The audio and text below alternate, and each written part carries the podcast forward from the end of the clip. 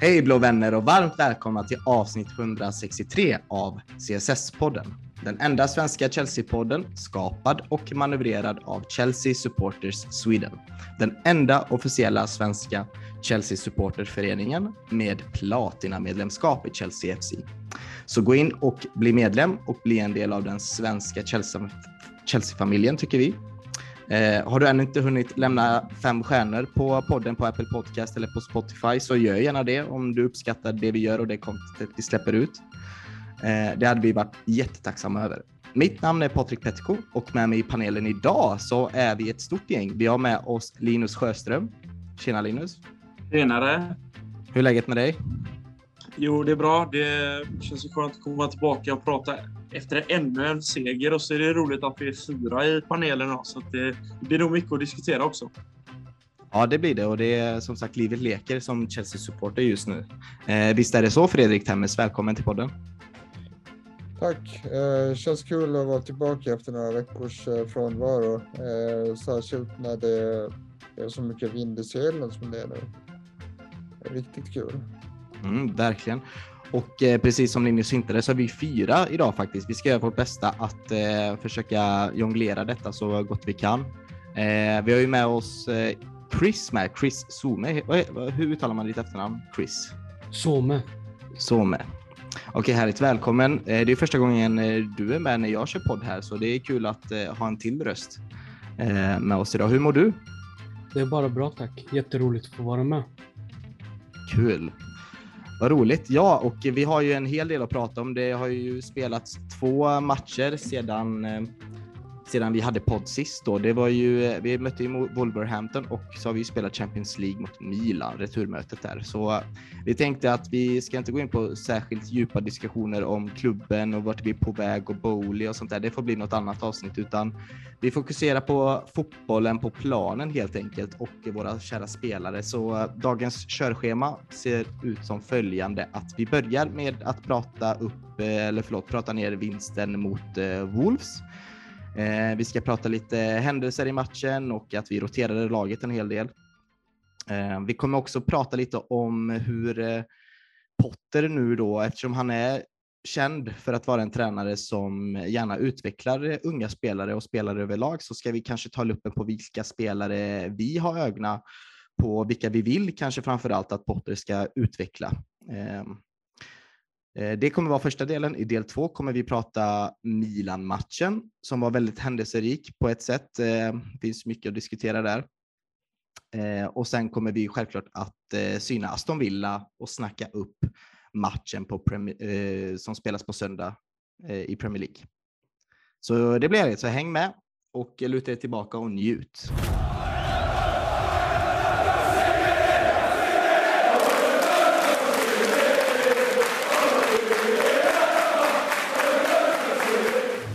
Ja, mina vänner, vi eh, tog återigen tre poäng och eh, återigen då efter den första Milan-matchen där så gjorde vi återigen tre mål igen i rad. Och eh, det har inte vi varit så bortskämda över att, ja, framför allt att göra många mål och inte släppa in några mål. Det har ju varit, det är, det är som att någonting har förlösts inom klubben och på fotbollsplanen. Um, och jag är ganska glad nu att jag har en stor panel med mig, för jag såg inte denna matchen tyvärr, för jag var mitt uppe i en flytt.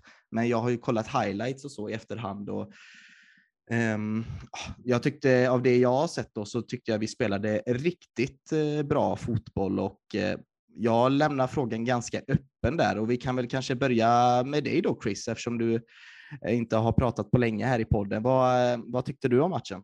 Eh, framförallt eh, det bästa med hela matchen var ju att Broja fick göra sitt första mål. Eh, och det är nog det jag tar med mig tillsammans med Mounts två assister. Eh, matchen i sig, som du sa, Chelsea spelade bra. Eh, nötte på Gallagher, var hetlevrad som vanligt. Jogge spelade ganska bra tyckte jag, eh, vilket tillhör mindre vanligheterna. Eh, Wolves är ju som Wolves är. De har en väldigt dålig eh, session just nu. De hade precis kickat sin tränare. Dock så fick vi se Diego Costa på Stamford Bridge igen. Eh, I Premier League-sammanhang, ska jag väl påpeka. Eh, men överlag bra, rolig. Alltså, roligt att hela vår offensiva trio får göra mål. Mm. Det är någonting vi inte har fått se på, ja, när var det sist vi fick se det? Nej, men så precis ja, och någonting jag kanske anmärkte på, jag minns det i slutet på förra podden när vi skulle förutspå denna matchen så mm, trodde jag väl, eller ja, jag misstänkte väl att det kanske är dags att eh, rotera lite spelare, Linus, som du minns det. Och jag minns att du och Daniel kanske var lite, nej, nej, nej, vi håller gärna samma gubbar på plan nu till helgen för att skapa momentum. Men vi fick ju se ett väldigt eh, roterat eh, lag från start.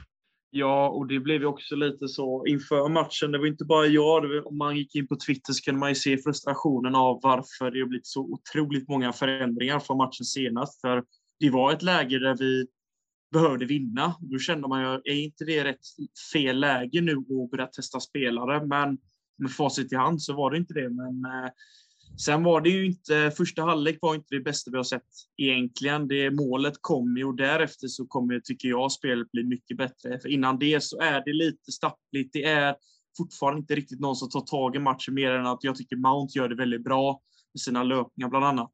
Och sen när Ika Havertz gör det första målet så känns det det känns bra för Wolves var inte farliga på det sättet. För jag menar, Adama Traoré, han kan ju inte mer än att springa. Han har otroligt dålig bolltouch och saknar ju självförtroende. Så jag menar, det, det var ett Wolves som kom, som Chris sa, stukat till matchen och inget självförtroende. Så att, med facit i hand så var det ju en elva som klarade av den här uppgiften på ett mycket bra sätt. Och nu fick de här spelarna lufta och Pulisic fick också göra mål. En spelare som jag har otroligt svårt för. Och och Broja fick göra. Så att, eh, nej, men, det var en bra prestation i slutändan, helt klart. Mm. Och det var väl en fyrbackslinje va, som, vi, som vi startade med? va? Ja, det blev det ju. Mm. Ja, det är ju det grafiken säger. Men eh, Temmes, du, du har väl sett matchen i efterhand eh, om jag har förstått det rätt? va?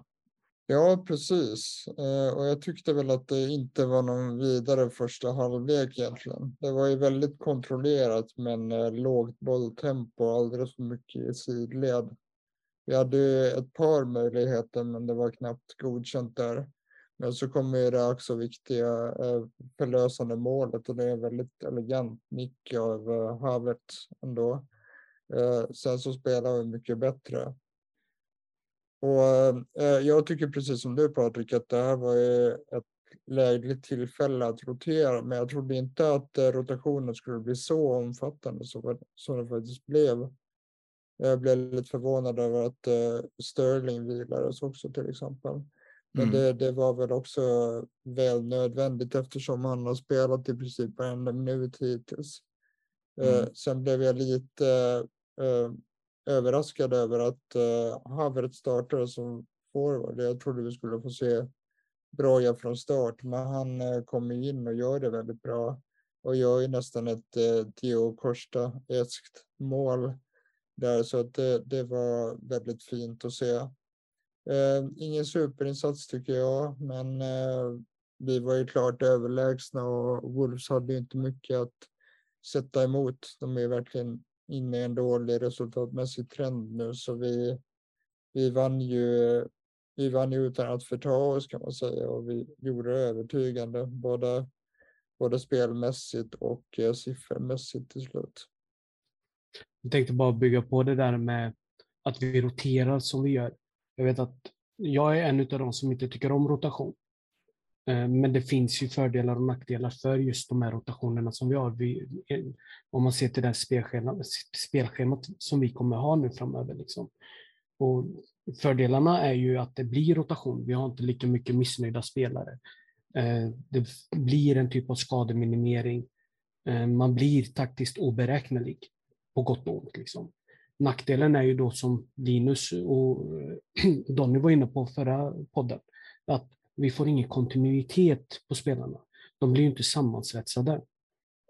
Så jag, alltså, jag köper det, med facit i hand så är det ju liksom rotationen var ju bra för oss. Ja, och jag kan egentligen bara fylla i det ni varit inne på. Och, eh, ja, ja, varningen jag alltid fick med rotationsspelet, det där sättet att använda sig av spelarna, är ju lite det här vi haft med Torshäll. Att det kunde komma en helt ny elva till en match och i många lägen tyckte jag att vi straffades av det. Och eh, det, var, det kändes som ibland att det blev lite till överdrift att Jaha, varför ska vi ändra så här mycket? Är det bara för att vi ska bevisa att vi har en bred trupp? Men eh, i alla lägen så var inte det det bästa alternativet. För det är många lägen som straffar oss och då gillar jag mer den här Conte-stilen faktiskt, som eh, Chris också lite tryckte på. att Kanske spela med samma spelare och vill man in i elvan, då ska man fasen visa att man ska in och verka både på träning och de, de inhoppen man får. Så att ibland så tycker jag att det kan vara till det bättre att inte rotera. Men nu blev det ett bra läge och det mynnade ut i tre poäng, så att det är svårt att klaga på det också.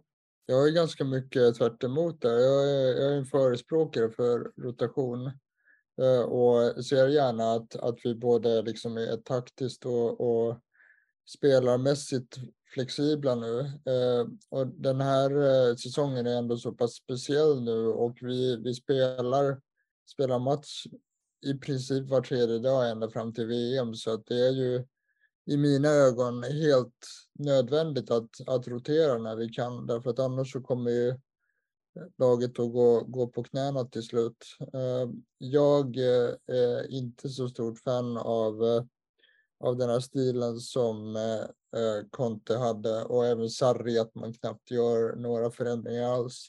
Det, det märkte vi ju under båda dem att eh, eh, spelarna blev ju helt uttömda eh, till slut. Så jag, jag välkomnar den här rotationen. Sen är det klart att det ska göras i rätt lägen och med, med måtta och sådär. Men, men, i den här matchen så tyckte jag att det var helt perfekt eh, att göra det. Och vi får, jag tycker att vi får ta våra chanser nu när vi får dem. Att faktiskt eh, rotera laget. Det är i alla fall min åsikt. Jag håller med att det finns, det finns ju två skolor där med hur man borde rotera eller inte och hur ofta man kanske ska rotera. Guardiola är ju känd för att nästan aldrig repetera samma elva och det var ju Sir Alex Ferguson också eh, två matcher i rad. Eh, dock så Klopp har ju kanske mer en inbränd elva precis som Conte har då med Tottenham och som han hade med oss och även nu han hade i Juventus och så vidare. Men eh, jag tror också nu eftersom att Potter har ändå ganska, haft en ganska lite tid med spelarna så är det nog intressant för honom att se vad alla går för. Och jag tror också, det här behöver inte säga så mycket hur Potter kanske är som tränare, men jag tror att han vill ge alla en chans att få starta och visa vad de går för, tror jag. Eh, jag tror inte vi ska läsa in alldeles för mycket i detta. Sen kan jag väl hålla med Temmes där lite att jag trodde inte heller det skulle bli så här grov eh, rotation, utan att man kanske skulle kanske rotera lite nyckelspelare som Silva, kanske Eh, kanske Sterling också då, men det, det, så var det ju inte. Så jag hade ju blivit extremt förvånad till exempel att se Sier starta. Nu, fick ju, nu blev ju han ju inbytt, eh, såg jag här, men han, eh, ja. Men eh, Pulisic fick ju starta Temmes. Det är ju lite av, eh, lite av din favoritspelare, haha, eller hur? Eh, han eh, gjorde väl ett eh, ganska snyggt mål. Alltså jag är så svag för fina så här, väggspel som eh, slutar med ett mål. Det var ett riktigt fint väggspel där med Mason Mount. Det var det verkligen. Eh, och han hade ju, han hade ju egentligen missat eh, enklare lägen och så. Men eh, det var ju ett väldigt fint avslut. Och ja, jag har ju varit kritisk mot eh, eh, Christian Pulisic eh, för att uttrycka det milt. Men jag tycker det är väldigt kul att se honom spela bättre nu och faktiskt ta chansen när han får den. Därför att det finns ju en spelare där, där inne någonstans. Jag, jag tror inte att han är talanglös eller liksom en medelmåtta rakt igenom. Det är bara det att han eh, har ju inte varit eh, eh, han har ju inte spelat liksom kontinuerligt bra sedan eh, Project Restart i princip. Eh, så eh, det är ju den här ojämnheten som är hans problem och även skadehistoriken. Så jag tycker faktiskt att det var, var jättekul att se bättre tendenser från honom och det är bara att hoppas att han får nytt liv under Potter nu och visar att han, att han har kvalitet. För det har han där inne någonstans. Han måste bara visa mer av det och det här var ju ett bra första steg tycker jag. Mm, det hade varit tråkigt om det hade varit den här förlösande faktor att lämna klubben som gör att han på något sätt når sin potential. Vi har ju några, vi har ju både Ruben Loftus-Cheek som fyllde mycket av förra eh, innehållet av förra avsnittet då och eh, samt eh, Callum Hudson-Odoi som jag eh, är svag för. Också här, lite evig potential och man vill ju nästan se att den här utvecklingen ska ske någonstans på hemmaplan. Som, eh, som Kevin De Bruyne fick ju aldrig chansen, Salah fick ju inte chansen och det finns ju extremt många som vi kan lyfta upp här med. Men man vill ju se, man vill ju se utveckling av spelarna i, eh, i sitt egna lag i, på hemmaplan. Eh, precis som vi har sett med Rhys James eller Mason Mount till exempel.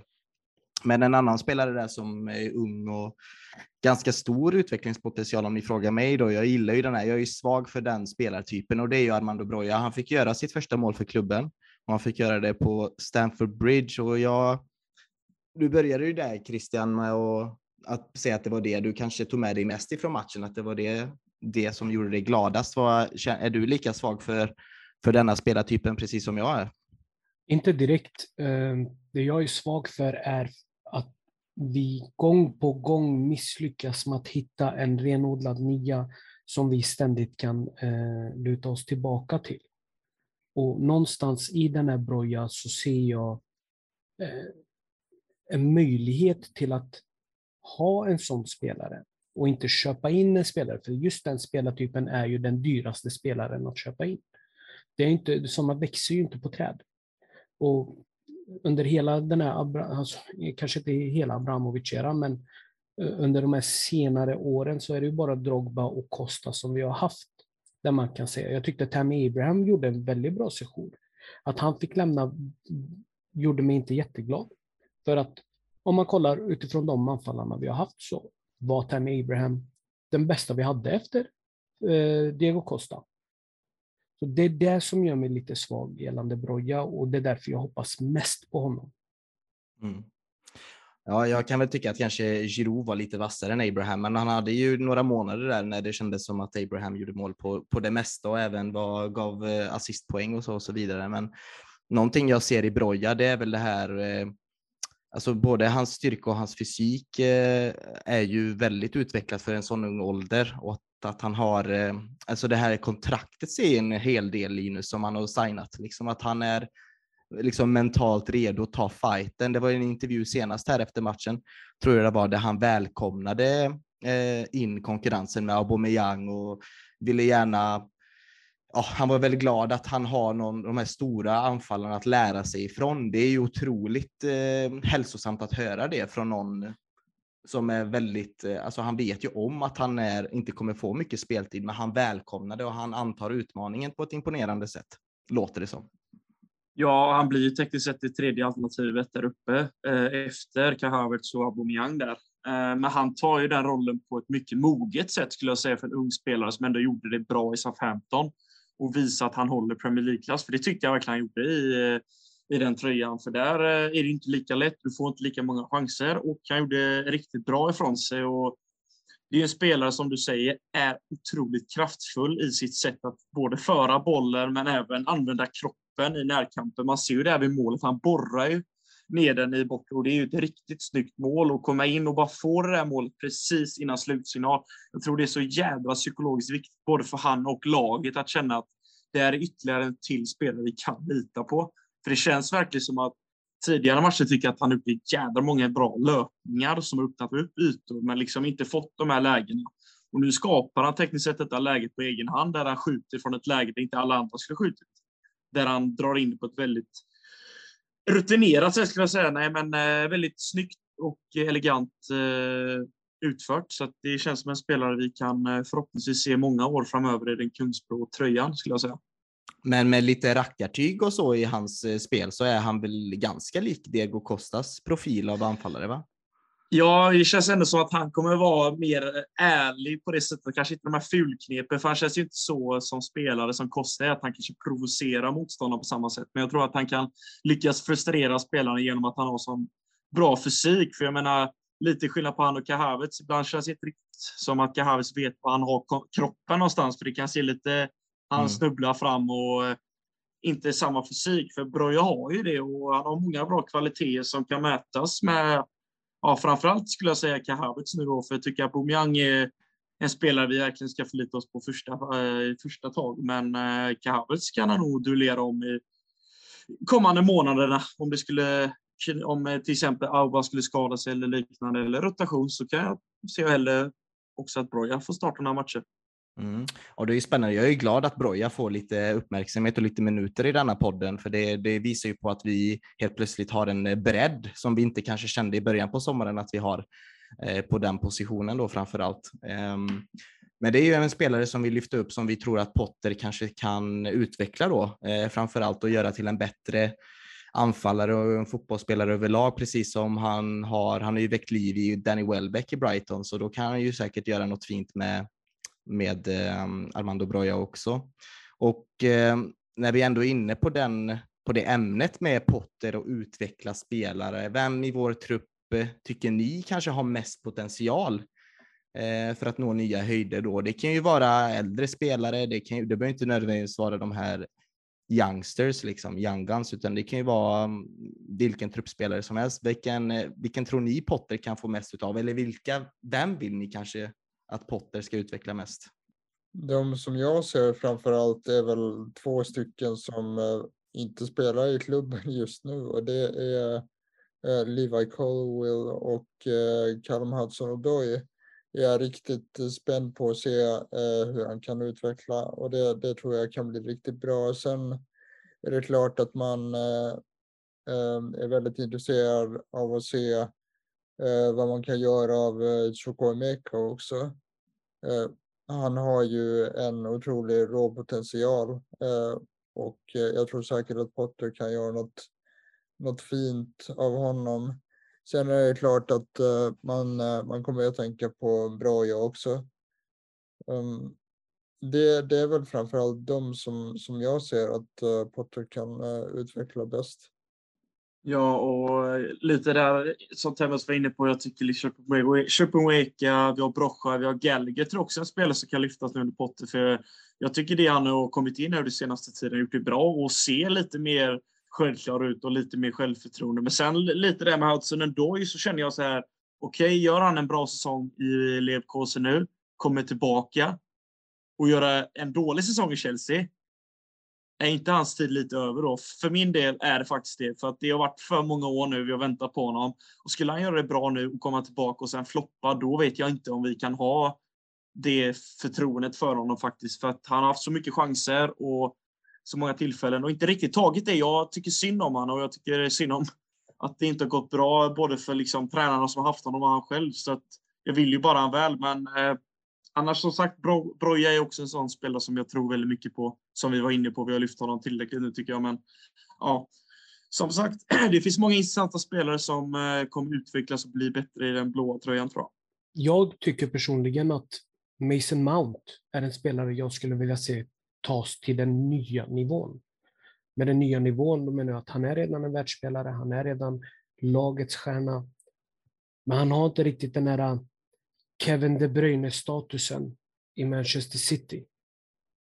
Den statusen skulle jag vilja ha på en av våra spelare. Just nu har vi världens, eh, världens bästa högerback i Reece James och det är globalt. Mason Mount är inte där och jag tror att om han skulle vara den typen som skulle kunna komma till en ny nivå, då kanske vi kan börja bygga om den här ryggraden vi hade under ett decennium med Check, Terry, Lampard, Drogba. Då kanske vi blir det Chelsea som vi en gång har varit och det vi alla vet att vi kan vara. Så jag tror att det, jag tror att det är Money Mace som behöver ta den här nya nivån. Jag vill bara återkomma till eh, Gallagher som jag helt och hållet glömde bort.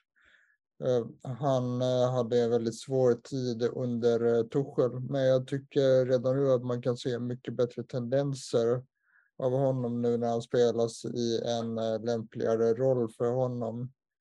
Eh, frågan är bara eh, var hans tak är någonstans, men det, det är i vart fall väldigt positivt att se honom spela bättre nu och liksom inte spela i en mer defensiv roll där hans brister blir, blir blottade. Jag tycker, Eh, jag, ty jag tycker mig se och jag tror att eh, Potter kan få Gallagher att eh, kanalisera sin frenesi och energi på ett bättre sätt än vad det blev under Torshäll.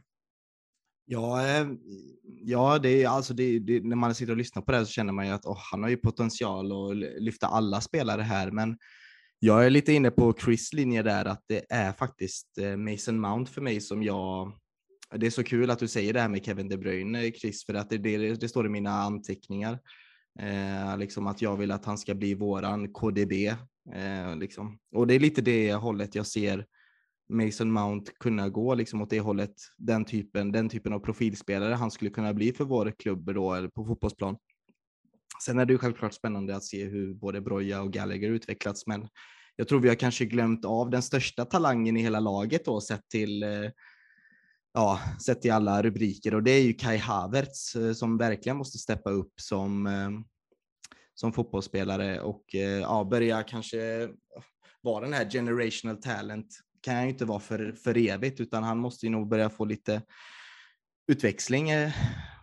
Och jag tror att Potter kanske kan hitta nycklarna. Det är så kul när jag pratar med mina vänner som inte kollar Chelsea så mycket och de håller på andra lag så frågar de mig oftast, men, men vad är det, vad spelar Kai Havertz? Vad är hans roll? Vad är hans position? Och du vet, det är ju svårt för mig att säga. Jag brukar säga som Temmes att nej, men egentligen är det ju en tia, fast han spelar som eh, striker. Ibland är han som second striker och nej, jag vet själv nog inte riktigt vad han är nu egentligen, för nu har det gått lite tid sedan han kom från Bayer Leverkusen.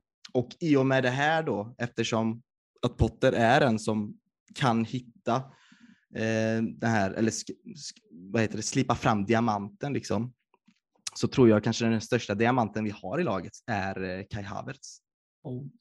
Jag kan både hålla med och inte hålla med. Med tanke på att första säsongerna kom, då var det, då var det diskussioner om att okay, han hade sjukdom, det var covid. Vi snackade om att han skulle få tid, anpassa sig. Andra säsongen han blixtrade till emellanåt. Hur lång tid ska han få? Hur, hur lång tid ska han få? Alltså, då måste man någonstans inse att Chelsea, om vi ska vara den här storklubben, ett topplag, då har man inte den här tiden. Jag kan köpa, jag kommer ihåg att jag och Fredrik hade en diskussion om det, om att det, det handlar om en akklimatis, akklimatiseringsperiod. Hur, hur, hur lång är den? Och hur lång tid ska man tillåtas att ha den om man ska kalla sig själv för en storklubb? Jag håller med dig du säger Chris. Och det är ju det här med att man väntar på det här riktigt genombrottet och Kai Så sen och jag tycker det är så typiskt när, väl, när man har väldigt mycket frågor om honom så har han bland annat liksom skickat en Champions League-titel till oss och klubblags-titeln. Så jag menar han, i vissa lägen så har han liksom köpt sig mer tid också, tycker jag, genom de här stora sakerna. För det är ju inte alla som avgör Champions League-final. Liksom, han, han, är ju inskriven i historieböckerna, men samtidigt, han kan ju inte leva på det för evigt. Jag menar, han är inte en dominerande spelare på det sättet, men i de stora matcherna så har han gjort de här målen. Så att det, det, det är någonting med Kahavet som jag ändå känner att det finns ett hopp om. Det är ju inte över, absolut. Det, man kan ju inte säga att nej, vi ska ge upp honom, för det tycker jag inte, men det finns frågetecken kring honom. Han måste ändå steppa upp, men han har gjort en, en hel del för den här klubben. Det måste man ändå säga.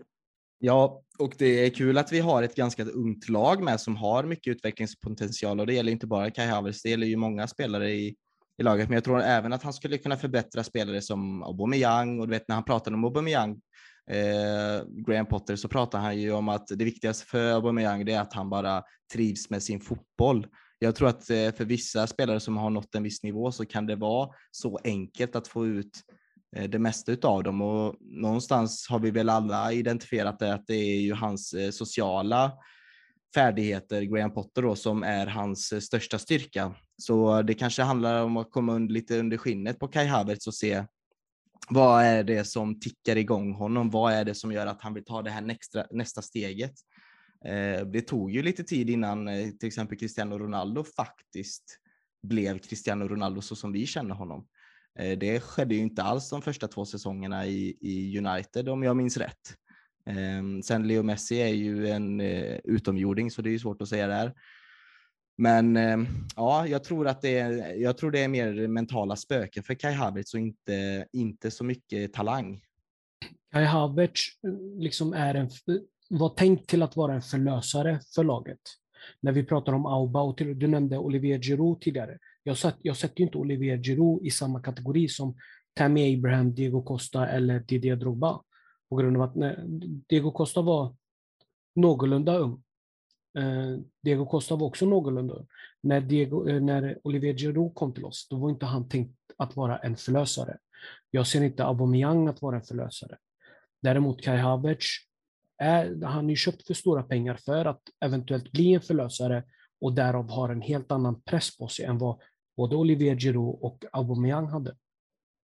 Det ska bli spännande att se vad Potter kan göra med detta unga lag och eh, han har gjort mycket bra på fotbollsplan och det är det vi ska berätta och prata om och känna kring i del två när vi ska prata om den senaste vinsten vi hade mot Milan i Champions League på San Siro.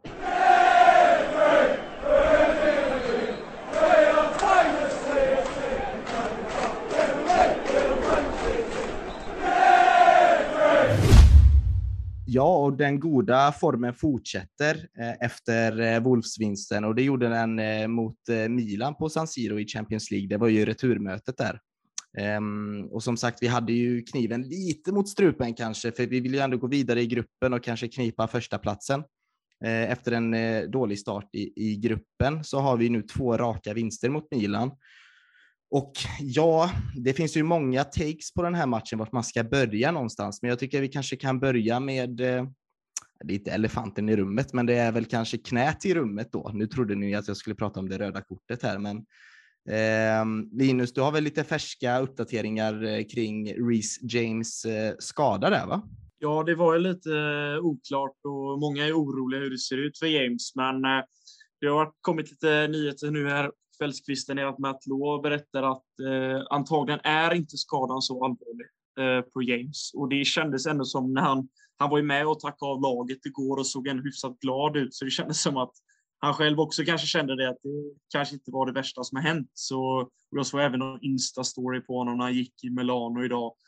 Eh, så det känns ändå som att eh, att det inte blir något allvarligare än så. Att han kanske han lär ju stå över helgens match mot Villa tror jag säkert, men eh, sen kom det andra nyheter om att han kanske är tillbaka mot United senast, så att det känns ju positivt. Och i förra året så var vi med exakt samma sak. James gick sönder och därefter så gick ju våran säsong åt fanders. Nej, men eh, den gick åt fel håll helt enkelt efter den skadan, för eh, det blev liksom att vi tappade nästan en hel kant tack vare att James inte fanns med och det är sånt jädra viktigt vapen både fram och fram banan och även i det defensiva arbetet. Så att eh, det känns ju bra att det inte var något allvarligt på det sättet. Men eh, Chelsea ska ju, har ju inte bekräftat något än, men det är ju rykten. Men vi får hoppas på att de stämmer det som sägs just nu i alla fall.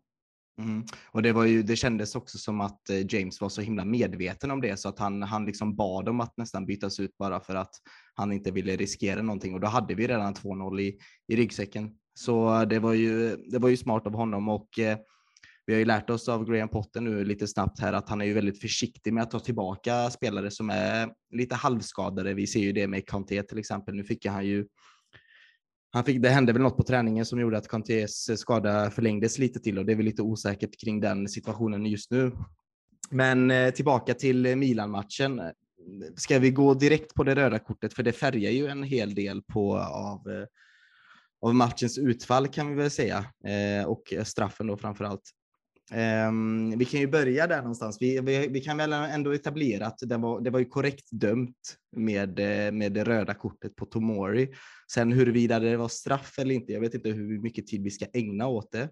Men uh, vi kanske kan lägga i alla fall, vi kan i alla fall höra vad alla ni tycker om det var om den var hårt dömd eller inte.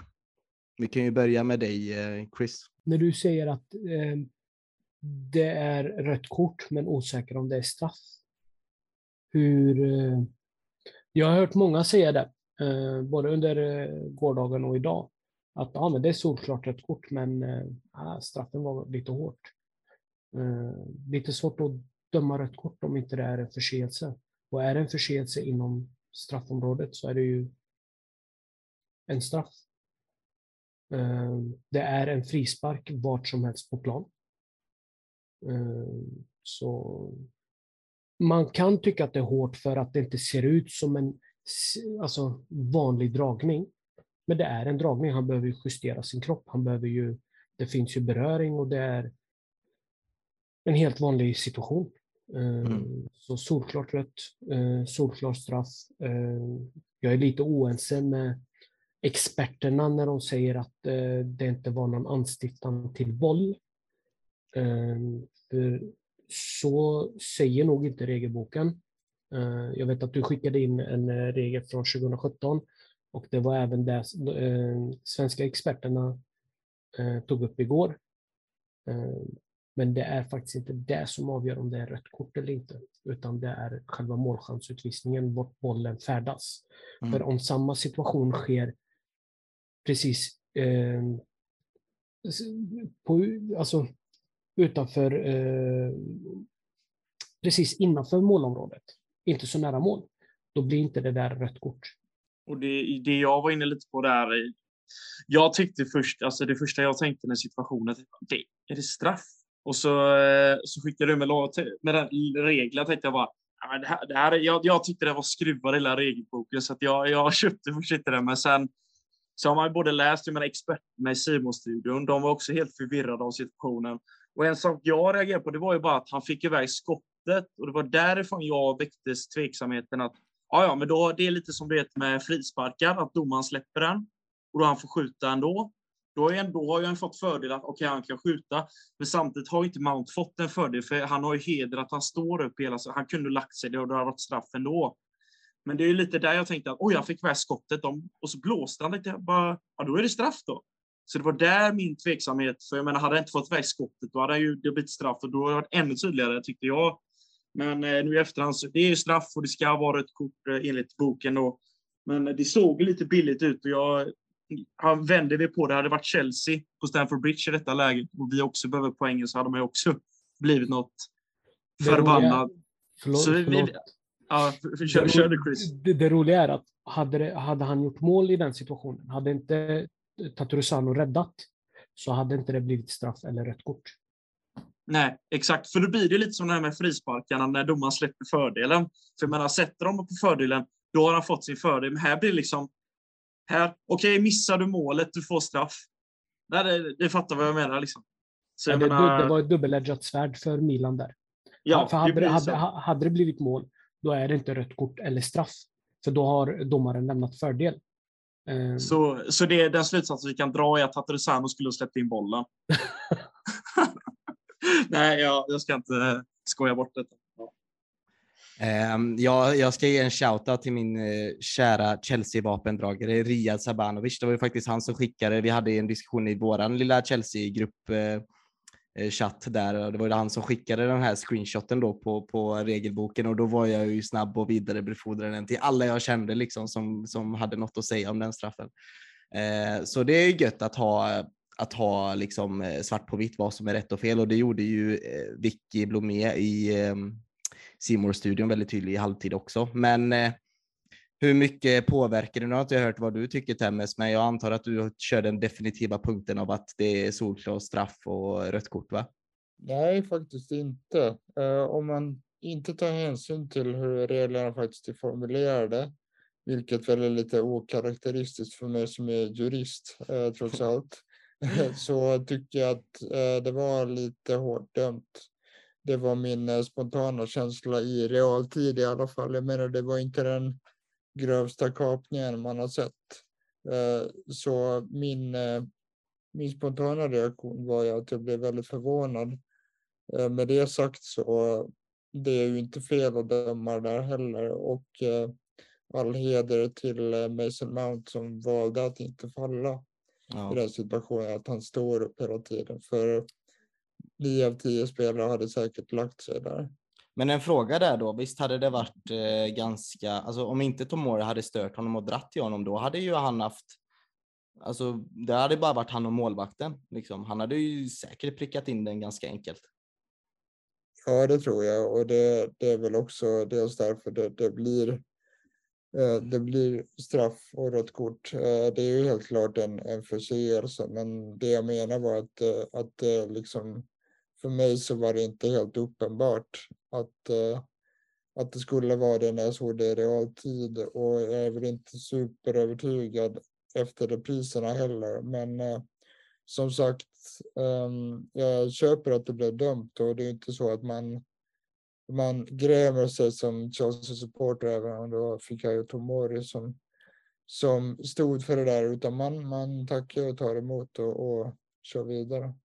Ja, vi, jag tycker vi lämnar det röda kortet där och straffen där och med laser i ögonen så har ju eh, Jorginho en hel del kyla tycker jag när han sätter straffen eh, på San Siro. Eh, ganska hetsigt San Siro blev det efter den, efter den situationen också. Vi fick 1-0 och jag tycker att efter det så dominerar vi denna matchen. Är det så att Milan kanske gjorde det lite för lätt för oss eller är vi så himla mycket bättre i detta dubbelmötet? Jag kollade på brittisk tv eh, och där eh, var Joe Cole en av experterna. Eh, han var en av experterna i panelen. Jag älskar när han bryter ner saker som är fel. Han lägger inte lika mycket fokus på vad som har gått rätt utan mer vad som har gått fel hos motståndarna. Som Lars Lagerbäck brukar göra. Eh, I matchminut 17 så dör ju matchen. Men är, den dör ju inte på grund av eh, den dör ju på grund av straffen och det röda kortet. Eh, det, det är ju liksom direkt det som dödar matchen. Men Milan, eh, Joe Cole sa att Milan hade förlorat matchen redan dagen innan eller två dagar innan. Ytorna de lämnade till Mason Mount och Chelsea innan straffen skedde var liksom det, det, var bara menat att det här skulle hända. Och han menar att det röda kortet och straffen räddar Milan mer än vad det stjälpte dem. Mm. Uh, han, alltså, och jag kände samma sak, att med de ytorna som uppstår när Theo Hernandez löpte upp i banan och inte tänkte på att det är Reece James han möter. Um, det, det, hade nog skadat dem ännu mera, för de hade varit lite mer arroganta, de hade varit lite mer järva, de hade vågat lite mer, de hade gått lite mer för det och lämnat extremt mycket ytor. Eh, så att matchen dog vid matchminut 17 räddar Milan. Och inte, det, hjälp, det hjälper inte dem. För sen så kontrollerar vi matchen och jag var, jag var väldigt, väldigt skeptisk till Jogge, att han skulle starta den matchen. För det är inte en, match, en matchbild som skulle passa hans karaktär. Men när, stra- när röda kortet kommer och allting tvingas att... Alltså det, det, det, det vart som handen i handsken för Jogge. Så liksom han dominerade ju matchen. Det var ju tack vare honom vi kunde dominera. Den här sidledspassningarna som vi hela tiden ser med Jogge. Det här är en sån match som det ska ske. Och det där, alltså han, han, var, han var totalt dominant. Man of the match för mig. Jag håller med Chris där. Hade det varit 11 mot 11 så tror jag vi hade fått byta ut Jorginho för det blir ganska jobbigt direkt när Milan satte fart tyckte jag för då tappar han eh, han, man såg ju direkt att speeden inte med när Liao kommer i full fart och eh, Brahim Diaz och de här spelarna. De gled i fyran ganska enkelt, men när röda kortet kommer så blir det ett drömscenario av Jorginho då han ska styra spelet och rulla runt. Och det gör han ju på ett väldigt bra sätt. Och sen tyckte jag det var väldigt nonchalant av Milan att släppa så mycket på James och trycka in Hernandez i mitten för att det gör ju bara att ytorna på kanterna öppnas ännu mer för Chelsea. Visst, Piola hade en tanke av att stänga av det centrala då och göra det mer, som de beskrev det igår, kommentatorerna, mer grötigt i mitten och det blev det ju. Men eh, sen när man släpper James blir ju bara att eh, Hernandez får ju springa ut järnet sen när bollen kommer ut mot James och då blir den luckan ännu tydligare för Mount att sticka in emellan där. Så att eh, jag vet inte om det var det smartaste valet, att släppa Hernandez eh, och släppa kanten och trycka in honom i mitten. Det kändes som, ja, nu i slutändan så var det inte ett bra beslut, men det känns väldigt konstigt av Pioli faktiskt. Jag var också lite nervös och skeptisk till att eh, Jorginho startade, men eh, eh, precis som du var inne på Linus, så det, det blir liksom en, en eh, matchbild som verkligen passar honom. Ehm, första kvarten var vi lite illa ute tycker jag. Vi var ganska hårt tillbakatryckta, men sen öppnade det upp sig och eh, han hade en helt otrolig statistik. Eh, han hade en passningsprocent på 98 tror jag. Och Hade ju dessutom flest eh, återerövringar, vilket man inte är van vid när det gäller honom. Så han gjorde en, en väldigt bra match. Innan vi lämnar honom så tycker jag bara att det var otroligt kul när eh, Sandro Tonali efter matchen stod och beklagade sig över domaren så klipper han till eh, Jorginho som, som står och flinar och skrattar liksom när han hör hur, eh, hur Tonali beskriver domarens insats. Så han hade verkligen en, en toppenkväll, eh, Jorginho. Och eh, som vi är vana vid så eh, var han ju otroligt eh, kylig i straffsituationen. Verkligen bra att eh, placera den som han gjorde med, eh, med laserpekaren i ögonen. Då. Däremot så är jag, är jag fortfarande förundrad över att i princip varenda målvakt går på den här hoppsa, eh, hoppsa sparken som han gör. Men det, det är en annan sak. Eh, riktigt bra match av eh, Jorginho i alla fall. Hylla den som hyllas bör. Han är, han är ofta, ofta undermålig och får mycket kritik, men här ska han ha beröm. Jag tänkte bara gå tillbaka till dig Linus. Eh, den ytan som Theo Hernandez lämnar för att eh, kunna spela in bollen till Mount, hade de positionerat sig korrekt så ska egentligen Mount aldrig någonsin löpa ifrån Tomori. Tomori kanske, det, det, finns ju en anledning till varför han inte är kvar i Chelsea. Men en av de egenskaperna Tomori har, och, och det här har varit eh, någonting som har upprepats flera gånger, det är att Tomori är en av världens snabbaste mittbackar. Det finns ingen chans i världen att Mount ska kunna ha den ytan som man fick mot Tomori om inte de släppte till de ytorna som de gjorde igår. Sen gällande domaren Fredrik, han var ju, om inget annat så var han ju väldigt konsekvent. Så de kan beklaga sig hur mycket de vill. Det, det här var ingen domarskandal. Inte för mig i alla fall. Jag tycker någonstans att det är... Eh, Alltså jag ska inte sitta och leka fotbollsexpert här på det sättet och jag låter ju andra gärna göra analysen av det taktiska. Ehm, jag går nog mer kanske på det, det, det känsloregistret som Milan visar på efter utvisningen. Att det, jag tycker de skjuter sig själva lite i foten av att kanske gå på domaren så mycket och att skapa den här konflikten, att all logik försvann ur Milan. Eh, och där, hade jag varit Milan-supporter så hade jag ju varit otroligt besviken på hur mitt lag, vad ska man säga, hanterade den motgången.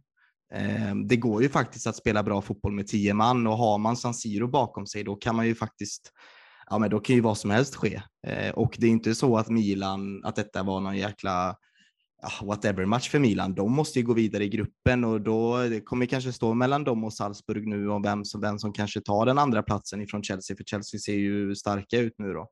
Knacka i krä. Men eh, ja, så jag är väl lite besviken på att Milan eh, gör ger bort sig i denna matchen rent, eh, rent känslomässigt och att man inte försöker spela sig till ett bättre, till en bättre stämning i laget. Eh, och där tycker jag också att Pioli tappade lite istället för att lugna ner sina spelare, att, inte, att de inte kanske har någon tydlig ledargestalt där i, i, i laget. Det kanske man hade haft med Kär eller med eh, Ibrahimovic om de hade spelat. Eh, man förlitade sig väldigt mycket på att Leao skulle lösa det för dem. Eh, ja, nej, jag är, så jag är kanske lite mer besviken på att Milan inte bjöd upp till dans ändå, även fast jag är jätteglad för att vi liksom dominerar och kör över dem. Ja, och det Patrik var inne på håller jag helt med om. Det kändes lite som att de skapade ett läge där vi mot dem, att var Milan mot domaren och det brukar ju aldrig riktigt vara ett bra utfall för att eh, domaren kommer inte ändra sig på det sättet. Eh, och jag tror inte de tjänar mer på att, som de gjorde, att förstärka varje situation, fyra gubbar runt domaren. Det vinner man ju aldrig någonting på i längden och då blir det egentligen mer att man förlorar ännu mer på det att domaren kommer och korten flög ju. Det var lite High Chaparral där när korten bara flög. Man såg knappt i, man såg inte ens i displayen vem som fick det gula där och det var, väldigt, det var väldigt kaotiskt och eh, man förstår lite också spelarna. Visst, man följer med adrenalinet från arenan för det var ett jädrigt bra tryck igår på San Siro och fansen stod upp för sitt lag i 90 minuter och det ska de ha heder för. För det är inte eh, i Premier League kan det vara mycket fans som de går ju om man är i sånt här läge. Men Milanfansen stod på sig och sjöng för sitt lag. Men eh, spelarna svek lite som du var inne på fansen där att man istället fokuserar på bara provocera fram kort och skapa mer kaos i matchen. För jag menar, här kommer man hit för att kolla, även vi hemma. Man går dit och får kolla matchen på San Siro och så får man bara se ett, ett aggressivt lag som bara söker egentligen problem med domaren. Det är, det är inte någonting som man vill se på sån här hög nivå. Men så, givetvis, ett sånt kort, det förstör ju mycket matchen. Så, ja. Det är en helt riktig analys tycker jag, att eh, det är någon slags eh, mental kollaps och eh, krokben som eh, Milan står för och jag tycker inte att de sett över båda matcherna kommer upp i nivå alls. Därför efter vår, eh, vår tunga inledning med bara en poäng efter på matcher så var jag livrädd och eh, gick ut på Twitter och sa att nu, nu blir det väldigt, väldigt svårt att gå vidare från gruppen. För jag trodde verkligen att eh, Milan skulle, skulle utmana på allvar. Eh, men eh, vi är ju bättre och jag tycker, tycker inte att det är så att vi spelar så otroligt fantastisk fotboll. Eh, I alla fall inte i andra matchen. Där, där är ju såklart röda kortet som hjälper till. Eh, men jag tror att hade Milan liksom kommit upp i, i nivå så, så hade vi kanske inte vunnit så enkelt som vi trots allt gör. Jag tyckte att Benasser Ben till exempel kom inte alls upp i nivå och sen är det trist för eh, Rafael Leao att han eh, möter världens bästa högerback. Det är klart att vi, vi gör bra insatser men sådana här klasskillnader ska det inte vara mellan båda lagen med det sagt så är det otroligt starkt att vi tar sex poäng mot, eh, mot ett så pass bra lag. Mm, och det är intressant, de var inne på det eh, i studion efter, efter matchen och jag vet att Donny var inne på det. Eh, han hade en liten tråd i det i förra podden om, om det är verkligen så stor klasskillnad mellan de italienska klubbarna och engelska klubbarna och det, det kan vi väl bara konstatera att det är. Um, att det krävs oftast något speciellt för de italienska klubbarna för att man ska kunna bräcka de engelska jättarna. Men det, vet, det, var, det är en sån liten grej och det, ja, Temmes gör ju det helt rätt att säga att det är en mental kollaps, för det är precis vad det är. För vi ser att om Giroud nickar in den där bollen, vilket han borde göra, vilket han alltså eh, 99 av 100 gånger känns som att han gör, så är det ju match igen. För då är det ju 12 mot 11 bara för att det känns som att San Siro är två extra spelare ibland. Så nej, jag tycker det är eh, synd för deras skull då att de att de gör bort sig där på något sätt. Men kul för våran skull att vi, att vi kan eh, ta vara på något sånt här och straffa eh, Milan egentligen och andra klubbar som, som gör en mental kollaps. Men du säger där Fredrik att det inte är någon fantastisk fotboll. Jag kanske inte håller med tillräckligt. Nu missade jag ju hela Wolves-matchen och bara sett extended highlights, men min spontana känsla det är ju att vad fan, vi gör många mål. Försvaret ser otroligt stabilt ut. Vi har ju bara släppt in en eh, sen Potter tog över och anfallsspelet är ju helt plötsligt eh, ganska kul att titta på. Det håller jag absolut eh, med om. Eh, man ser ju redan nu tydligare mönster och en, en liksom klara idé om hur vi ska anfalla. Eh, den förskjutningen som jag tycker har skett är intressant. Eh, efter första matchen mot eh, Salzburg så spelade vi med otroligt hög risk i båda riktningarna som jag tror att jag var inne på när, när matchen väl spelades. Men nu så har vi mer eh, riktat in oss på att kontrollera matcherna. Sen är det ett väldigt bra kvitto på att eh, Potter faktiskt kan eh, spela så här bra mot, eh, mot storlag. För jag var lite orolig på om han skulle, skulle fixa det. Han har gjort det bra i, i Brighton, men jag var inte helt säker på att, på att spelet skulle sätta sig så snabbt under honom. Så det är väldigt, väldigt sköna besked vi har fått på det sättet. Men det, det tycker jag i alla fall är intressant och det är ju hedervärt i sig att vi faktiskt kan eh, kontrollera matchen helt och hållet eh, mot Milan.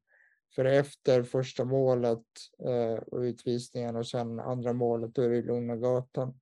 Det finns bara ett lagplan och vi hade ju kunnat göra fler mål och vinna utan att förta oss egentligen. Ja, och jag var en, även en intressant detalj jag har märkt de sista matcherna under Potter är att anfallaren inte behöver komma ner i banan på samma sätt och hämta boll. För det där tycker jag det mycket om, handlar om att Mount har hittat sin position och kunna driva upp bollen i banan, vilket gör att Auba inte behöver komma ner för att hämta boll. Han kan stanna kvar där och söka ytorna i djupled istället, för det ser man på andra målet. Där är Auba på den platsen vi vill ha honom och Mount levererar assisten. Det är där vi har saknat Betushel början på säsongen. Jag menar, Kahavertz kom ner i banan, Sterling kom in i mitten och hämtade boll igen. Så jag menar, det var mycket att forward inte var på plats inne i boxen. och nära straffar. Och det tycker jag verkligen de har gjort det väldigt mycket bättre nu under Potter. Och det, det känns som en detalj som är väldigt avgörande. Och vi bara kolla de senaste matcherna. Vi gör ju mer poäng och anfallarna är på rätt plats. Havertz var mot Wolves, så att vi är på rätt, eh, inom rätt eh, bana tycker jag. Jag håller helt och hållet med. Och det var en av grejerna jag reagerade på. Den direkta skillnaden mellan Tuchel och eh, Potter. Och det är ju liksom att vi börjar få se inlägg nu. Vi börjar få se instick. Jag menar, det var ju en grej med eh, Torshäll att när Rhys James kom ner där på eh, yttre korridor på, eh, på högersidan att han spelade bollen snett bakåt. Nu börjar bollen komma där i den eh, assistytan i gold zone. Eh, vi börjar få de här inläggen. Och helt rätt som du säger Linus, att anfallaren behöver inte komma ner och eh, hämta boll för att etablera en speluppbyggnad därifrån. Så det är liksom den absolut mest direkta skillnaden jag känner på Chelsea och det är att vi kommer att göra fler mål för att vi levererar fler bollar in i straffområdet dessutom. På tal om Mount där med, jag tycker det här med som du säger Chris med att eh, vi kommer in i lite farligare zoner och det kanske har med precis det Potter brukar säga på både presskonferenser och inför och eh, konferenser och intervjuer så att det, ja, det handlar om att vi har gått back to basics och ibland tror jag fotboll kan vara så enkelt. Det behöver inte vara liksom eh, nya relativitetsteorin alla Guardiola för att spela bra fotboll tror jag, utan ibland är det nog bara att gå liksom köra lite algebra och lite plus minus noll och så funkar eh, fotboll igen. Eh, lite förlösande kanske till och med. Men vi kan gå tillbaka till eh, Mount där som du lyfte upp Linus. Och, alltså, han spelar ju en halvlek och är man of the match. Det säger ju en hel del om hur, eh, hur bra han var, att han framförallt har hittat hem igen.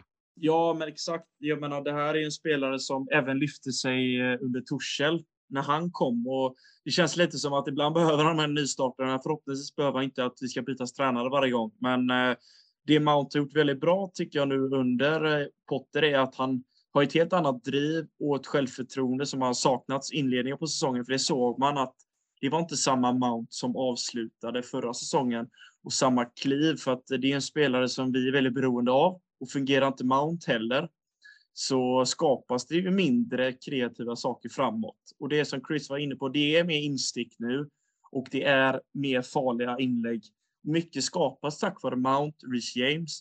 Det är två spelare från akademin som är två avgörande spelare. För men fungerar inte de två, ja, då blir det ganska mycket problem direkt, tycker jag. För då är det inte, det är inte alla de spelare i vårt lag som kan finna de ytorna. Jag menar, Kovacic är bra på att driva boll, men han är inte jätteduktig på att finna de här fantastiska insticken som Mount. Det är, det är ett fåtal spelare vi har i laget som har de kvaliteterna och det, det gäller att de håller sig skadefria och eh, är i form, för då, då, är ju Chelsea farliga på riktigt, skulle jag säga. Jag tänker på det du sa Patrik, att eh, det är liksom back to basics nu. Ehm, jag kommer inte ihåg, eh, jag hoppas att ni alla minns det här med eh, Chelsea mot Malmö FF, när Torshälls assisterande gick in och gjorde ett byte på Hudson Odoi och Ziyech, att han bytte position på dem för att de snabbare skulle kunna leverera in en boll i box. Och då hade han ju gått ut och sagt att ja, vi gick tillbaka, eh, vi, vi gick back to basics. Och det, det gav ju resultat direkt, men sen så fortsatte han ju inte med det givetvis. Men Potter verkar ju ha det som sin spelidé through and through. Och det ger resultat och det ger faktiskt, ja men typ att vi kan ligga under mot Crystal Palace och vi vänder för att vi kommer till de här lägena äntligen. Förut hade vi ju det här problemet att vi kom ju inte ens till lägena. Det var individuella prestationer eller motståndarnas misstag. Så inledningsvis, det, det har gått fem matcher. Det är lite svårt att, det, det, är lite för tidigt att förutspå. Vi har alltid fått en, ny, en nytändning när vi har haft en ny tränare, oavsett vem det nu än är. Den enda som har varit konsekvent genom alla de senaste tränarna vi har haft är ju Mason Mount. Han har ju haft förtroende från Frank Lampard, Tuchel och nu Potter. Um, men fem matcher, fyra vinster, en oavgjord, uh, eh, tre clean sheets tror jag. Uh, två insläppta mål. Alltså det, det, är en VG plus, nästan MVG-start på hans session. Mm. Så förhoppningsvis så håller det i sig. Ja. En annan som har, som har varit bra genom alla de tre eh, tränarna är väl Kovacic också som jag vill lyfta lite osjung, osjungen hjälte kanske i vårt lag som ja, när han är bra så är hela laget bra. Det gäller väl Jorginho med. Det är mittlåset, eller förlåt, den, det inne mittfältet är ju så jäkla viktigt för att vi ska spela bra fotboll. Och eh, bra fotboll spelade vi ju när vi gör 2-0 där. Eh, väldigt klack-klack-spel och återigen back to basics, eh, instick, liksom där, den fotbollen som vi, som vi gillar att se och som inte är så svår att spela egentligen, utan det handlar bara om timing och att, eh, att det ska finnas bra kemi i laget. Och jag vet att eh, både du och jag, Temmes, var ju skeptiska till den här Aubameyang, men nu har han gjort tre mål för oss och eh, ja, han, det är väldigt, tre väldigt olika mål också han gör. Eh, vi kan ju stanna vid eh, målet han gör mot Milan på San Siro, men eh, fan, det var inte så en dum värvning ändå. Nej, jag såg inte alls den här eh, succéstarten komma. Han ser riktigt eh, taggad ut och spelar otroligt bra och gör precis det han ska göra. Vara den här kliniska målskytten. Så det är verkligen glädjande att se. Nu har han gjort eh, mål i tre raka matcher och när var, när var det senast vi hade en nia som, som gjorde eh, mål i tre raka matcher? Det, det, det minns jag nästan inte. Eh, så det är verkligen en, en lovande inledning. Och kan han fortsätta på det här inslagna spåret så kommer det vara en otrolig tillgång för honom den här säsongen. Däremot så får man ju se hur långlivad han blir och det, det är väl min eh, huvudsakliga kritik mot den värvningen, att han liksom är 33 mm. och inte kommer hålla för evigt. Men den här, den här säsongen kan han säkert tillföra väldigt mycket om han eh, fortsätter på det här sättet. Men visst känns skulle han inte göra det? Visst känns han bra också i hans rörelsemönster. Jag tycker han tar smarta löpningar. Det märks ju att han är en mogen mogen professionell anfallare om jag vet inte hur jag ska uttrycka det bättre, men att han, han har gjort det här förr. Liksom. Och oh, han, vet, han, vet ju vilka ytor som är farliga och inte. Det är, det är ju väldigt skönt att se det. Han använder ju sin eh, erfarenhet uh, som han har uh, jobbat upp under karriären. Uh, det är precis som du säger att han, han löper otroligt smart och sen hur självklar han är framför mål också. Eh, avsluten är riktigt fina och det är verkligen no nonsense. Jag såg någon statistik med Aubameyang att, eh, att varje skott han har fått på mål eh, har även gått i mål. Så jag menar, det är, det är en klinisk målskytt. Jag får ursäkta för min röstvek med där, men det är bara för att jag blir så exalterad. Nej, men Auba är ju en spelare som jag har följt i många år och det är en spelare jag har vuxit upp med, för jag är ju är ju född 99 så att jag är inte så gammal, men eh, det är en spelare man fått äran att följa. Och jag menar i varje klubb så har han levererat.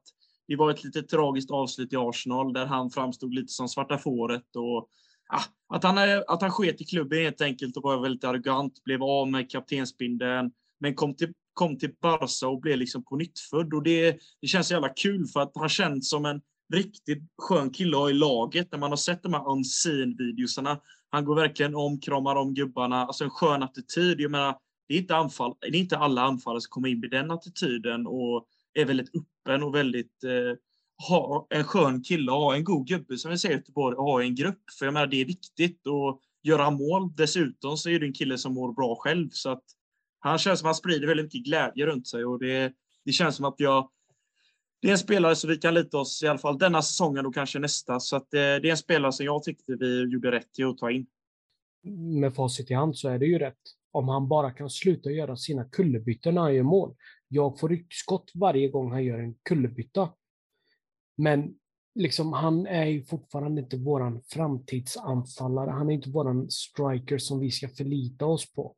Skulle han, skulle han floppa i år så gör det inte lika ont i hjärtat. Det är ingen prestigevärvning. Det är, ingen, alltså det, det, är inte en striker som jag förlitar mig på match in eller match ut. Nu har han gjort tre mål i sträck.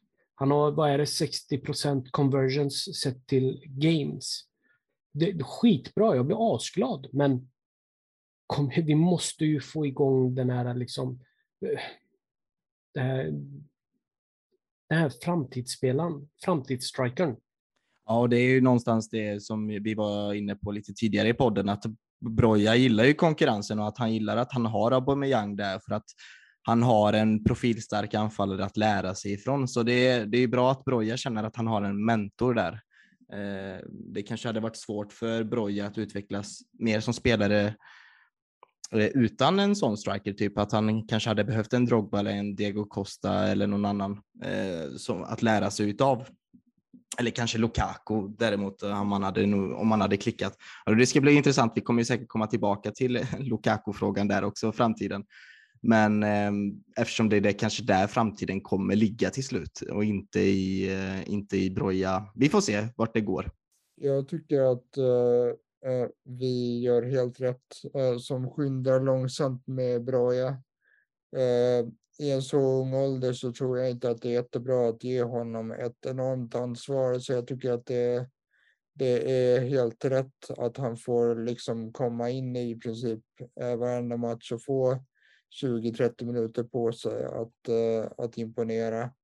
Eh, och att han slipper vara det här självklara andra valet. Liksom. Så jag, jag, tycker att det är den, det är den approachen vi ska ha den här säsongen. Och för all del så ska han ju spela i enklare matcher och i cupen och sådär. Men, men annars så tycker jag generellt att han, eh, han ska huvudsakligen vara inhoppare den här säsongen.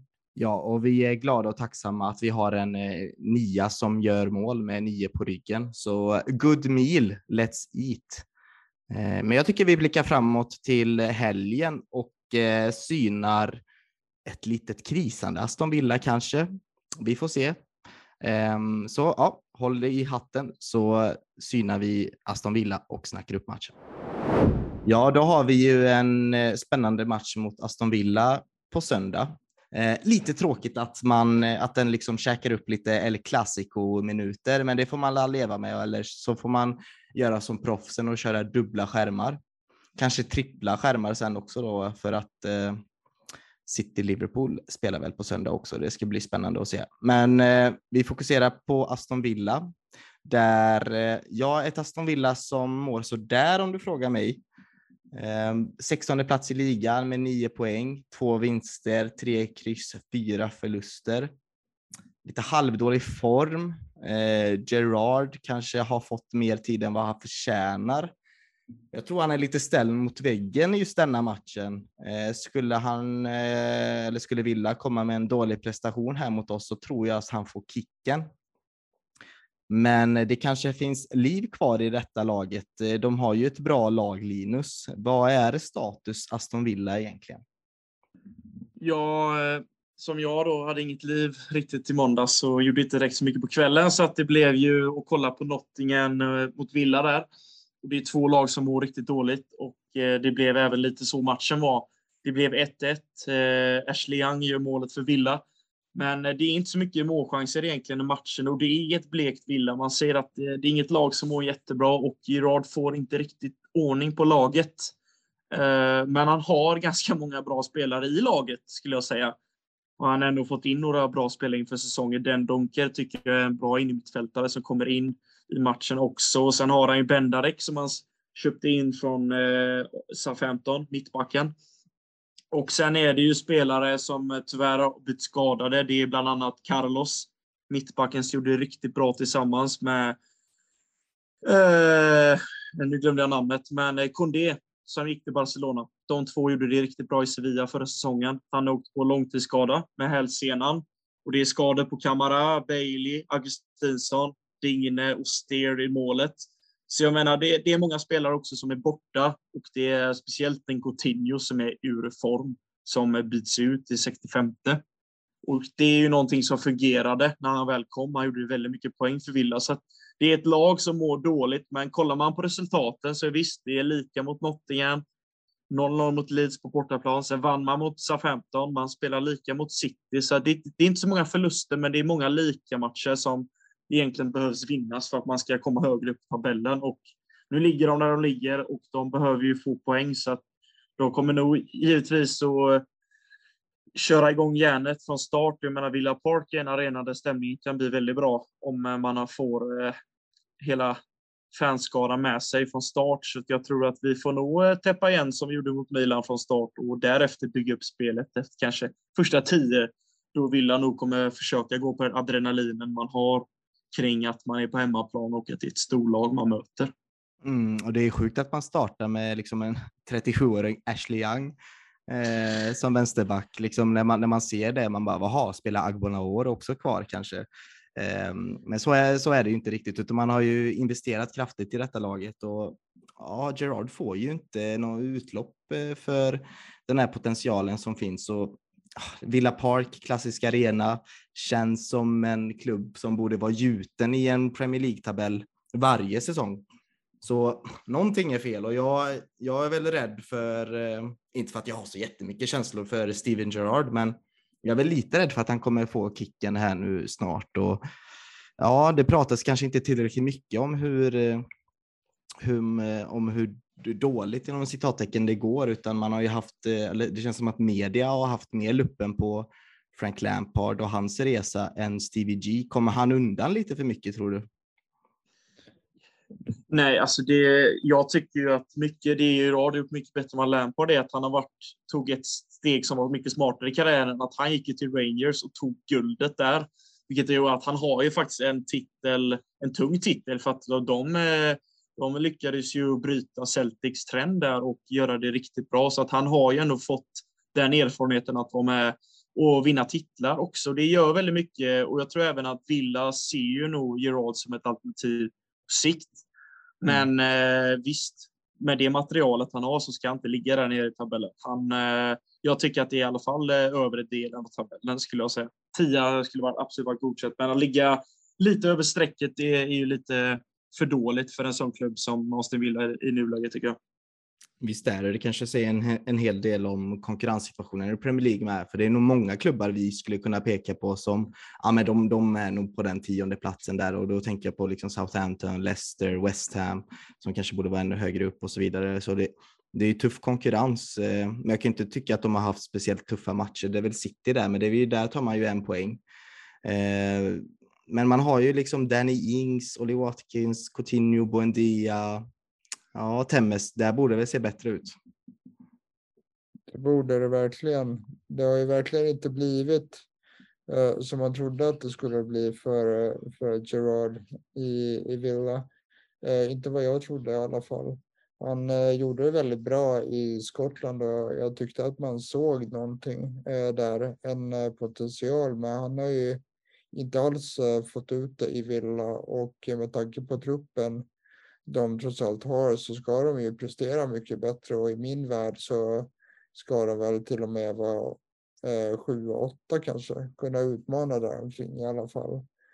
Eh, jag blir ju inte jätteledsen om han får kicken och nu tror jag inte att det kommer hända men det kan det uppstå en intressant situation här där han gör en Lampard eh, reverse så att säga att han eh, att han kanske går till Liverpool om, eh, om eh, Klopp skulle lämna under den här härdsmältan. Jag, jag tror som sagt inte att det är särskilt sannolikt här och nu.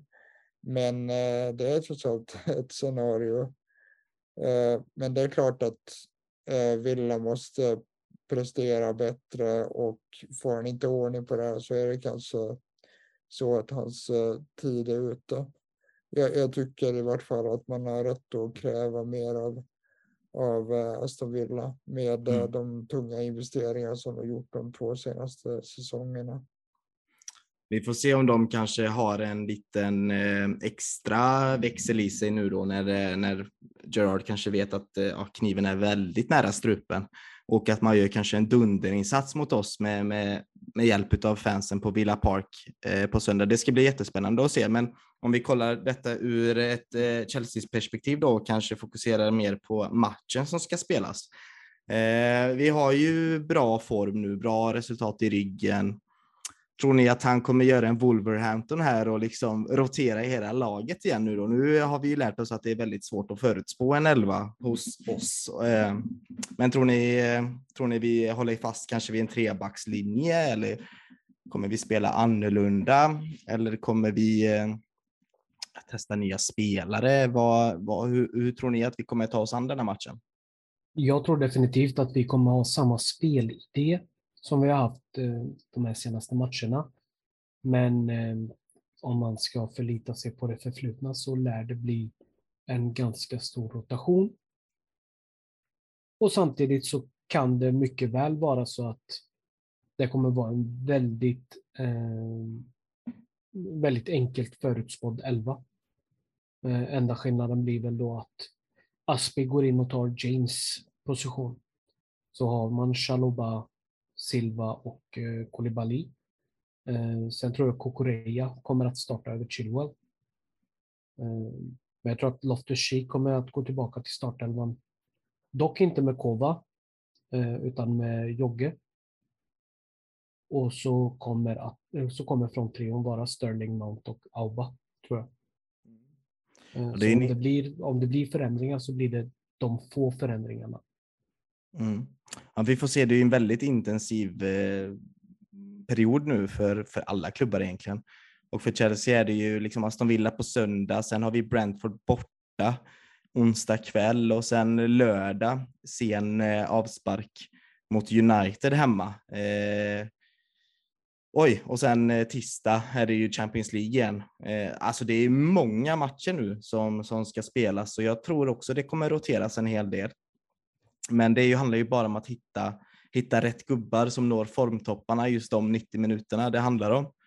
Um, så det ska bli oerhört spännande Linus att uh, se vilket Chelsea kommer, som kommer framträda här och jag tror att man kommer spela mycket på den här liksom goa formen, den här goa vad ska man säga, goa feelingen som vi har i denna matchen. Och jag, jag tror kanske det riktiga testet som vi kommer ställas inför inom en snar framtid, det är väl kanske Chelsea, eller förlåt, United på, på hemmaplan om, om drygt en vecka, eller vad tror du? Ja, jag håller med dig och det var lite vi inne på tidigare poddar att eh, jag menar nu har vi kommit in i det här flowet som jag var inne på att eh, nu vinner vi de här matcherna i det här tajta schemat och det gör ju också att man kör en ännu skönare känsla att komma in i de här tajta matcherna. Att fasen, nu går det bra och menar, fortsätter vi på det här spåret så ser det ju väldigt ljust ut. Jag menar Champions League-gruppen, vi leder den liksom. Det trodde man inte efter de två inledande omgångarna att, att det skulle gå. Jag menar, och i Premier League, vi, vi har ju häng på eh, topp 4-platser. Det är ju inget snack om det. Jag menar, topplagen möter varandra också eh, innan vi möter United. Så jag menar att det, City har Liverpool, det är, en, det är en väldigt viktig match. Jag menar, kommer Liverpool repa sig eller fortsätter bara City trumma på? Och jag menar, kommer Arsenal hålla i sin form? Jag menar, Tottenham. Hur ser vi på United? Det, den matchen blir väldigt intressant, för jag ser redan nu att det är om vi kollar på förra året så var det ju frustrerande möten båda två egentligen, eh, där jag aldrig har sett Chelsea dominera så mycket som de gjorde på Old Trafford. Och ändå gör Ronaldo 1-1.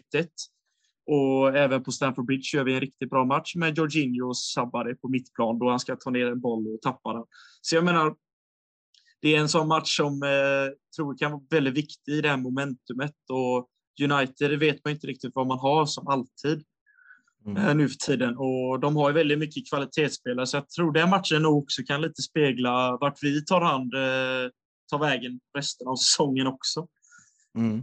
Vi kommer ju ha alla anledningar att snacka upp den matchen i nästa avsnitt av podden eh, som kommer komma ut om drygt en vecka. Men Temmes, när du, när du hör Aston Villa borta, Brentford borta, vi kommer inte ha någon podd fram tills dess, så vi kanske kan kolla lite Brentford där med. Nu vet jag inte hur förberedd du är på, eh, på laget Brentford och hur deras form ser ut, men de är ändå 11 i ligan, två vinster, fyra lika och tre förluster på 10 poäng, så de är ju i en liknande situation som Aston Villa egentligen. Det är svårt att säga nu efter så få matcher spelade i, i säsongen, men ah, är det, är det liksom att bara inte för att, inte för att liksom respektlöst säga att bara gå och säga att ta tre poäng där, men jag, jag hade ju lite den inställningen inför Wolverhampton som vi hade. Men de här, nu är det ju två bortamatcher. Eh, Temmes, vad, vad, vad, vad, vad, tycker du om det? Liksom, tycker du att det är nästa stora test är liksom United hemma eller är de här två matcherna lika stora test för dig också? Nej, som Villa ser ut nu så tycker jag väl att vi ska ta tre poäng. Även om jag har för mig eh, att eh, vi brukar ha ganska svårt på, på Villa Park. Det är också en sån här bogey arena eh, för oss. Eh, men vi, vi borde ta tre pinnar där. Däremot så tycker jag att eh, Brentford är lite en eh, different beast ändå. Eh, för de har ju en väldigt hög höjd i sig när de får till det och Thomas Frank är ju även han lite av en taktisk lurifax och när det, när det flyger så flyger det verkligen som det gjorde mot United. Så där så tror jag att det kan bli lite kämpigt. Men spelar vi på samma nivå som vi har gjort hittills så ska vi klara av den också. Eh, som Linus sa så vet man inte vad, vad man har United. Det har ju varit väldigt mycket fågel eller fisk för dem eh, höga toppar och djupa dalar. Så det är lite, lite ovissa matcher här på, på kommande. Mm. Jag, tror in, eh, jag tror inte att det blir jag tror att det blir rotation, men inte jättestor rotation mot eh, Villa i helgen. Inte nu när vi precis eh, hade, hade så pass stora förändringar mot Wolves, utan jag tror att vi kommer spela ganska A-betonad elva eh, vad nu det innebär under, under Potter. Men jag, jag tror ju till exempel att vi kommer se den här trion i anfallet som börjar utkristallisera sig med, eh, med Åberg, Sterling och Mount eh, till exempel. Nu blev det väl ganska spretigt, men jag tror att vi tar tre poäng mot Villa. Det borde vi göra. Eh, lite ovisst mot Brentford. Eh, det kan bli tufft där, men vi borde ta tre där också. Sen får vi se hur United ser ut när vi väl eh, möter dem här om, om drygt en vecka. Mm, vi kommer ha lite fokus United i nästa avsnitt eh, då det är en stor match och eh, vi kommer ha sett lite mer hur de presterar under helgen. Um, så nej, men då, då känner jag väl att uh, vi har snackat det som vi kan snacka om då och så ser vi fram emot en uh, fin match på söndag med uh, spännande Chelsea här nu då tycker jag. Och jag är lite inne på dig där Temmes, att jag inte gillar de här fasta älvorna, att det är lite förutsägbart. Och visst är det lite kul ändå att försöka på något sätt klura ut vad det är för lag Potter kommer ställa ut med. Och visst känns det som att det här kommer vara en genomgående trend med honom som tränare? Det var det ju eh, i Brighton. Och jag ser framför mig att det kommer vara nästan omöjligt att, att eh, förutse eh, vilka spelare och vilket spelsystem vi kommer att spela från match till, uh, match, till match. Jag, jag, tror inte att det kommer liksom bli så mycket mer förutsägbart. Eh, och det tycker, jag, det tycker jag är kul och intressant och det, det måste ju vara riktigt jobbigt även för motståndarna att, eh, att förbereda sig inför inför att möta ett Potterlag just för att överraskningsfaktorn är så stor. Jag tänkte bara gå tillbaka där på Brent, gällande Brentford. Dels så är det skönt att det inte är en jättelång bortamatch, Eh, utan den kommer ju att spelas i London. Eh, sen har Brentford faktiskt haft väldigt svårt nu på sistone. De mötte Newcastle förra helgen och förlorade med 5-1. Och de möter Brighton på fredag tror jag. Eh, så de lär ju också göra förändringar och beroende på hur det går mot Brighton så alltså de, de sitter ju i en lite sämre sits än vad vi gör. Hade man ställt samma fråga i början av säsongen eller under förra säsongen, då hade jag varit skitskraj för Brentford, för man vet ju inte vart man har dem. Men just nu så känns det inte som att Brentford är ett lag att oroa sig för, med, om man kollar på deras trend. Nej, jag håller med. Den senaste vinsten de hade var ju mot eh, Leeds och det var ju lite över en månad sedan. Den matchen spelades 3 september och det var mot ett skakigt Leeds. Så mm, nej, Brentford kanske blir en mumsbit ändå, även fast den spelas på, eh, på bortaplan. Eh, men jag tycker att vi stannar där grabbar.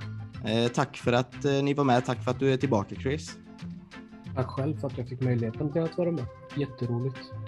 Kul. Hoppas vi får höra mer utav dig. Tack till dig Linus också. Ja, tack detsamma. Alltid roligt och det är kul att vara fyra också. Det, det blir mer intressant själv gällande tekniken, men jag tyckte vi löste det bra allihopa, så det blir kul. vi är riktiga proffs. Snart blir det tv-studier för oss, eller hur TMS? Absolut. Vi kör eh, videomedia snart. Eh, Tv-studio och så vidare. Nej men eh, jättekul att vara tillbaka upp på hösten igen efter några veckors eh, uppehåll här. Um, riktigt roligt också att vi var fyra personer. Jag tyckte vi löste det bra ändå så att eh, nej, riktigt roligt avsnitt. Vi har varit riktigt proffsiga och eh, du har varit saknad Temmes och kul att du var med. Eh, gillar du som lyssnar vad vi gör och vill vara med och påverka innehållet i podden eh, eller kommentera kanske dagens avsnitt som du precis har lyssnat på så gå med i gruppen CSS-podden på Facebook. Det kan vi varmt rekommendera. Eh, ett annat sätt att bidra eh, är att bli medlem i Chelsea Supporters Sweden. Och ni kan även gå in på vår svenska fans eh, och läsa eh, matchrapporter, analyser och krönikor. Och det gör ni på svenskafans.com England Chelsea. Och framför allt då så vill jag rikta ett stort tack till dig som har lyssnat igenom den här en och en halv timman eller vad det nu blev. Och eh, vi går rakrydda, rakryggade och med starkt självförtroende in i denna Premier League-omgången med två roliga vinster och ett eh, roligt eh, Potterball Chelsea som vi får se. Keep the blue flag flying high. Tack för att ni har lyssnat.